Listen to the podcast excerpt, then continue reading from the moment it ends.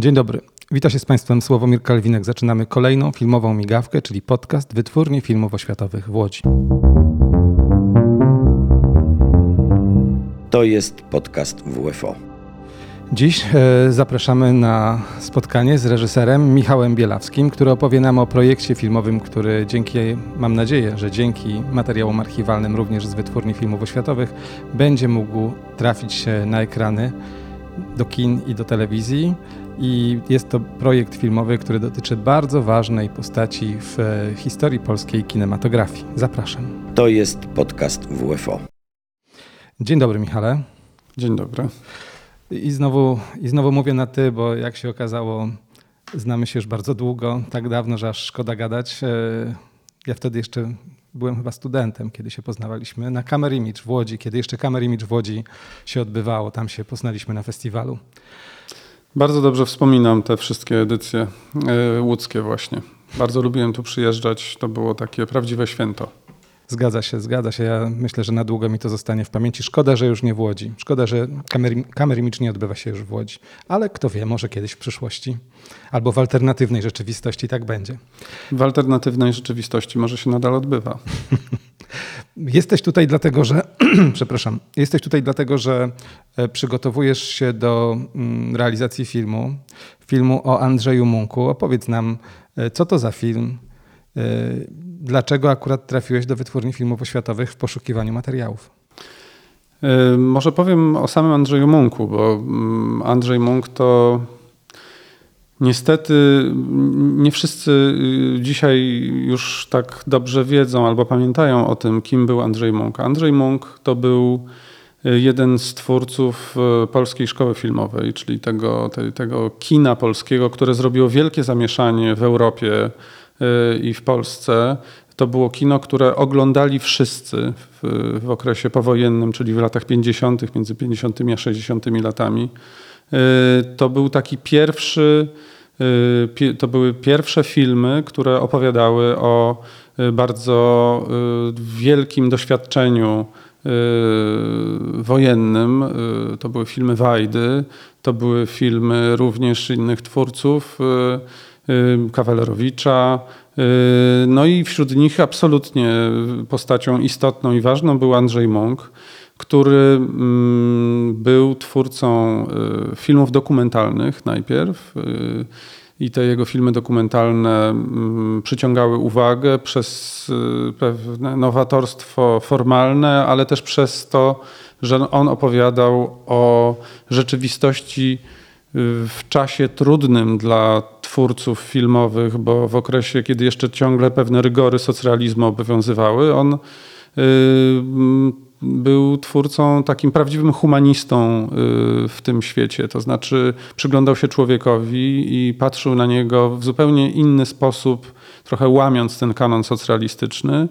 Y, w ten sposób powstały, czy właśnie z, z takiego podejścia zrodziły się jego filmy o kolejarzach y, które z jednej strony nawet dzisiaj oglądane sprawiają wrażenie takich produkcyjniaków, ale równocześnie są filmami, które rozsadzają tę formę i to był na przykład film Kolejarskie Słowo y, albo Gwiazdy muszą płonąć. Natomiast y, Andrzej Munk to pomimo tych fantastycznych doświadczeń y, właśnie dokumentalnych, to twórca bardzo spełniony, autor kilku wybitnych filmów fabularnych. Chociażby takich filmów, skoro już przy kolejarzach jesteśmy, jak, jak Człowiek na torze. Y, czy późniejsze filmy, oczywiście bardzo znane. I te tytuły, kiedy się wymienia, y, to już nagle coś tam z czymś się kojarzą. Y, więc chodzi, mam na myśli oczywiście film Eroika i Zezowate Szczęście. No i oczywiście Pasażerka. Andrzej Munk to był więc twórca, dokumentalista, później autor filmów fabularnych, ale też, co jest bardzo istotne, to był y, bardzo ważny dla kilku pokoleń y, absolwentów łódzkiej szkoły filmowej pedagog.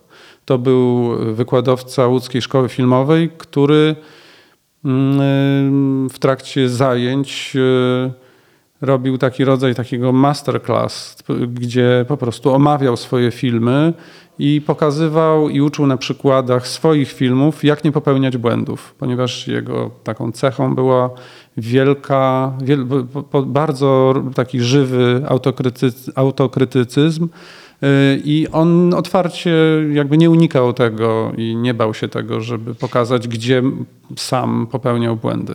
I właśnie Studio Munka imienia Andrzeja Munka realizuje film o Andrzeju Munku i teraz pedagogu. Y, ja mogę powiedzieć jako wykładowca ze Szkoły Filmowej w Łodzi, że Studio Munka to jest legenda, która daje młodym filmowcom szansę, prawda?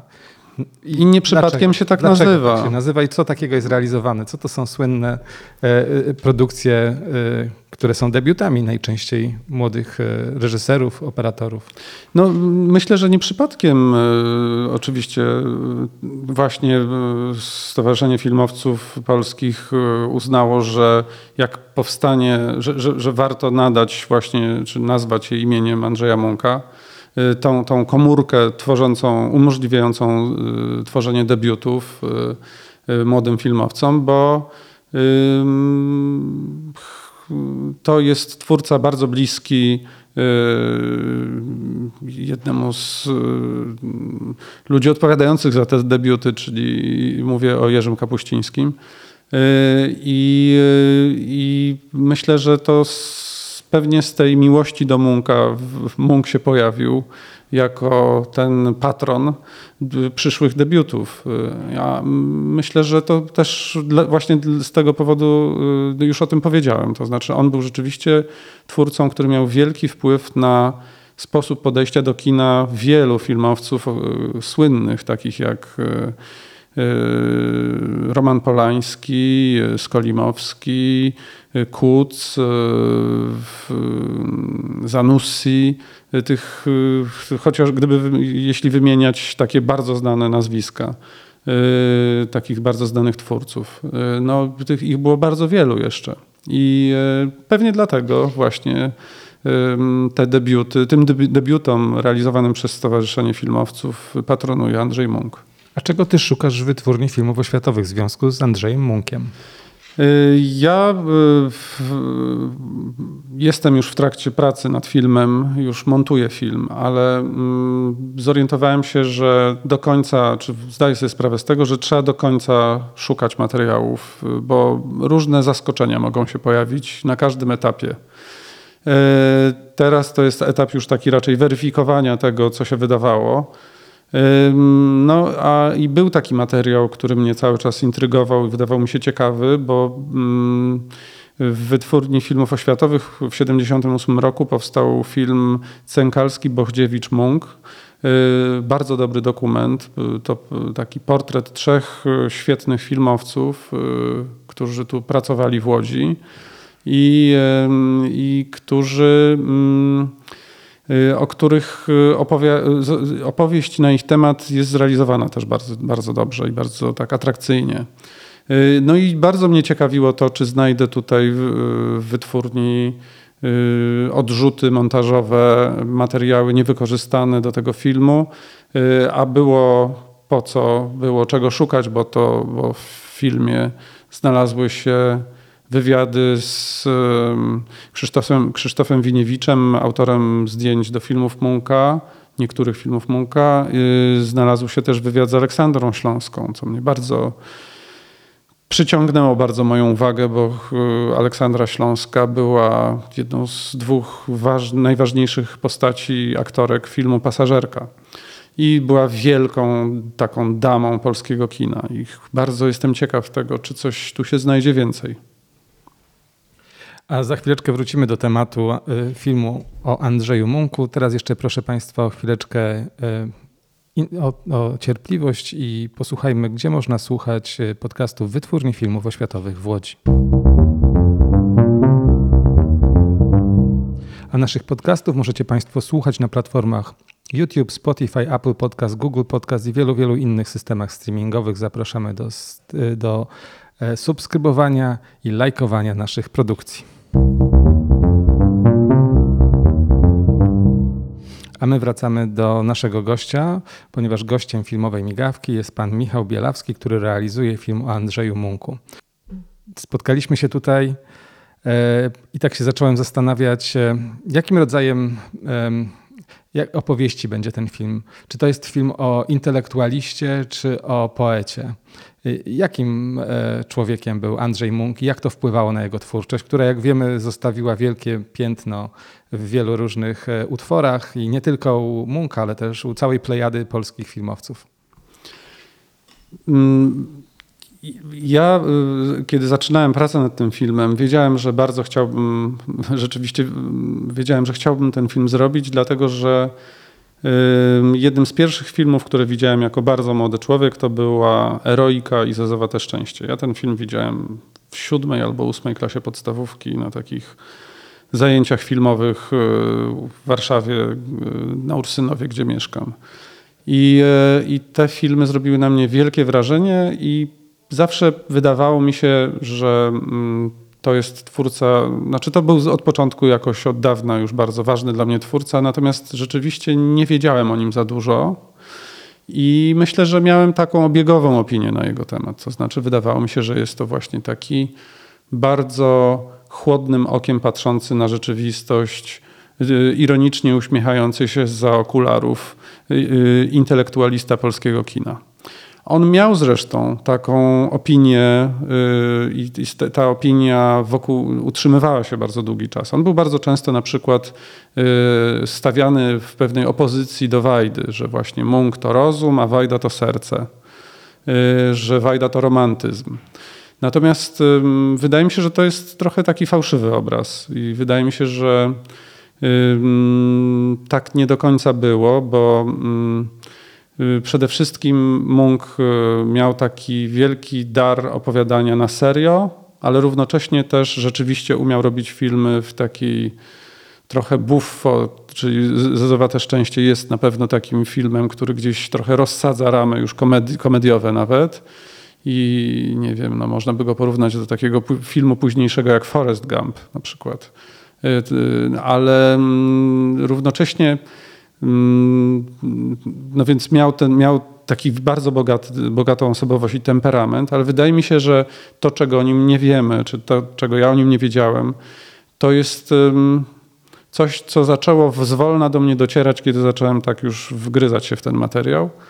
Myślę, że Andrzej Munk był takim człowiekiem z krwi i kości, w tym sensie, że mm, był człowiekiem, który tak jak jego wielu rówieśników doświadczył wielkiej traumy związanej z wojną, bo przecież przeżył II wojnę światową y, i y, przeżył nie tylko II wojnę światową pod okupacją niemiecką w Warszawie, ale też jednak miał wielkie szczęście razem ze swoją rodziną opuścić na czas krakowskie getto, zanim zostało zamknięte, ponieważ był to, on był z rodziny zasymilowanej, rodziny żydowskiej. Mm, e, I to mogło się w pewnym momencie obrócić przeciwko niemu i całej rodzinie. Więc to, co mnie ciekawiło i to, co wydawało mi się takie fascynujące w tej postaci, co w jakimś sensie też przenosi się w ogóle na całe pokolenie ludzi, którzy doświadczyli wojny. To było takie pytanie, dlaczego tak długo mm, on, ale również w ogóle właśnie wielu innych, tak mało mówiło o tym doświadczeniu. To znaczy, dlaczego, jeżeli się już wypowiadało, to wypowiadało się w taki sposób, na przykład ironiczny. I to mnie fascynowało. Y, fascynowało mnie też to, dlaczego Munk tak długo odkładał temat y, właśnie związany z jego pochodzeniem. Więc właśnie mm, to, co mm, chciałbym, żeby w tym filmie mm, się odnalazło, to nie tylko biografia, odtworzona biografia twórcza reżysera, ale właśnie najbardziej mi zależało na tym, żeby pokazać jego jako, no właśnie, jako człowieka. To znaczy po, poruszając się w, w, różnych tych obszarach, które może są mniej dotknięte albo na pewno nie tak dobrze znane widzom. E, mam na myśli jego życie osobiste, na tyle, na ile to możliwe, oczywiście, i na ile da się coś na ten temat opowiedzieć, Ale jego z... osobiste doświadczenia. A zauważyłeś, że jesteśmy w sali, w której akurat jego rodzina nawet jest na ścianie. Zauważyłem, tak. Wisi przede mną portret y, pierwszego premiera y, Polski Ludowej, Józefa Cyrankiewicza, który był przez jakiś czas szwagrem Andrzeja Munka. On był mężem siostry Andrzeja Munka. I był człowiekiem, który na pewno był obecny w tej, był obecny w tej rodzinie do samego mm, końca swojego życia. Też utrzymywał bardzo dobre relacje z nimi. Na pewno też był człowiekiem rozumiejącym, jako jeden z bardziej światłych e, premierów wtedy powojennych. E, najdłużej chyba urzędujący to był. I też ludzi, którzy, który miał, e, ludzi, którzy mieli za sobą przeszłość PPS-owską, a nie PPR-owską, wygenerowaną w czasie okupacji, tylko był człowiekiem, który miał naprawdę no, taki bagaż doświadczeń, był też więźniem obozu w Oświęcimiu. A Munk też miał wyraźne sympatie PPS-owskie. Y, był związany z młodzieżówką PPS-owską przed wojną i ta jego polityczne zaangażowanie spowodowało, że w pewnym momencie musiał się zastanowić, czy ma kontynuować studia na architekturze w Warszawie. Bo to nie był dobry czas dla ludzi myślących w ten sposób. W ogóle Munk należał do ludzi, którzy nie myśleli dokładnie w ten sposób, jak należało. Z tego powodu został wydalony w końcu z partii. Z tego powodu miał też nie bardzo dobre opinie w teczkach, które kiedyś odnaleziono w szkole filmowej, z czego się bardzo śmiał w swoim czasie Roman Polański. Tego teczki w ogóle nie ma, bo SB zabrało, czy tam tajna policja zabrała swego czasu. W ogóle nie ma teczek Polańskiego w szkole. To co, to, co ciekawe w, w wypadku Andrzeja Munka, to na pewno pewna taka tajemnica, tajemnica albo zagadka dotycząca właśnie jego życia. Y, takie pytanie, na ile to doświadczenie wojenne było czymś, z czym on gdzieś wewnętrznie się zmagał i co miało szansę w pewnym momencie się odezwać y, i co bardzo umiejętnie, jako człowiek o silnym charakterze, racjonalizował i wyciszał y, w sobie. I to, co mm, wskazuje na to, że ta twórczość mogła się jeszcze w niesamowity sposób rozwinąć, były jego plany filmowe późniejsze. On miał bardzo rozległe plany filmowe i jednym z takich niesamowicie mnie ekscytujących projektów, które, o których była mowa y, pod koniec jego życia w latach 60., kiedy mm, taka słynna sprawa się toczyła, y, to znaczy wywiad izraelski schwytał Eichmana i zawiózł go do Izraela, uprowadził go z Argentyny. Y, Andrzej Munk, y, będąc na festiwalu Marder Plata, dostał propozycję zrobienia filmu o Eichmanie. Nad tym filmem miał pracować sam Ernesto Sabato, słynny pisarz argentyński. I kto wie, co by się wydarzyło na ekranach polskich i europejskich. Miał wtedy powstać film, y, w którym miał grać y, między innymi Zbigniew Cybulski. Y, to naprawdę mogło być wielkie wydarzenie. Znowu wracamy do tematu alternatywnych światów albo równoległych światów. W tym równoległym świecie, gdyby jednak Andrzej Munk żył, co jeszcze mogłoby się zdarzyć? Do czego on by doszedł? Ponieważ no niestety odszedł w kwiecie wieku w, w sile swoich możliwości artystycznych i życiowych. Jak, jak myślisz, czy zastanawiałeś się nad tym? Nie no, oczywiście, że się zastanawiałem. Miał, miało też powstać inne filmy. Miał, miał powstać film taki Płaszcza i Szpady. On się nazywał y, Ojciec Królowej, z, z tego co pamiętam, y, y, scenariusz Stefana Stawińskiego. Myślę, że mm, to byłaby bardzo zdrowa sytuacja dla naszego kina w tym sensie, gdyby żył Munk. To znaczy, yy, mówi się, mówią różni krytycy filmowi i filmoznawcy, że gdyby żył Munk, to yy, Wajda robiłby jeszcze lepsze filmy. Yy, dlatego, że yy, Munk był taką naturalną, takim naturalnym punktem odniesienia. Oni się znali, oni się lubili. Y, Andrzej Wajda y, nie wiedział nic o życiu prywatnym Munka i tak samo jak Munk nie wiedział nic o jego życiu prywatnym, dlatego że obaj doświadczyli okupacji, obaj działali w AK i nie, nie powinno, nie należało wtedy o tym mówić. Y, kiedy za ich życia nie powinni byli o tym mówić za dużo.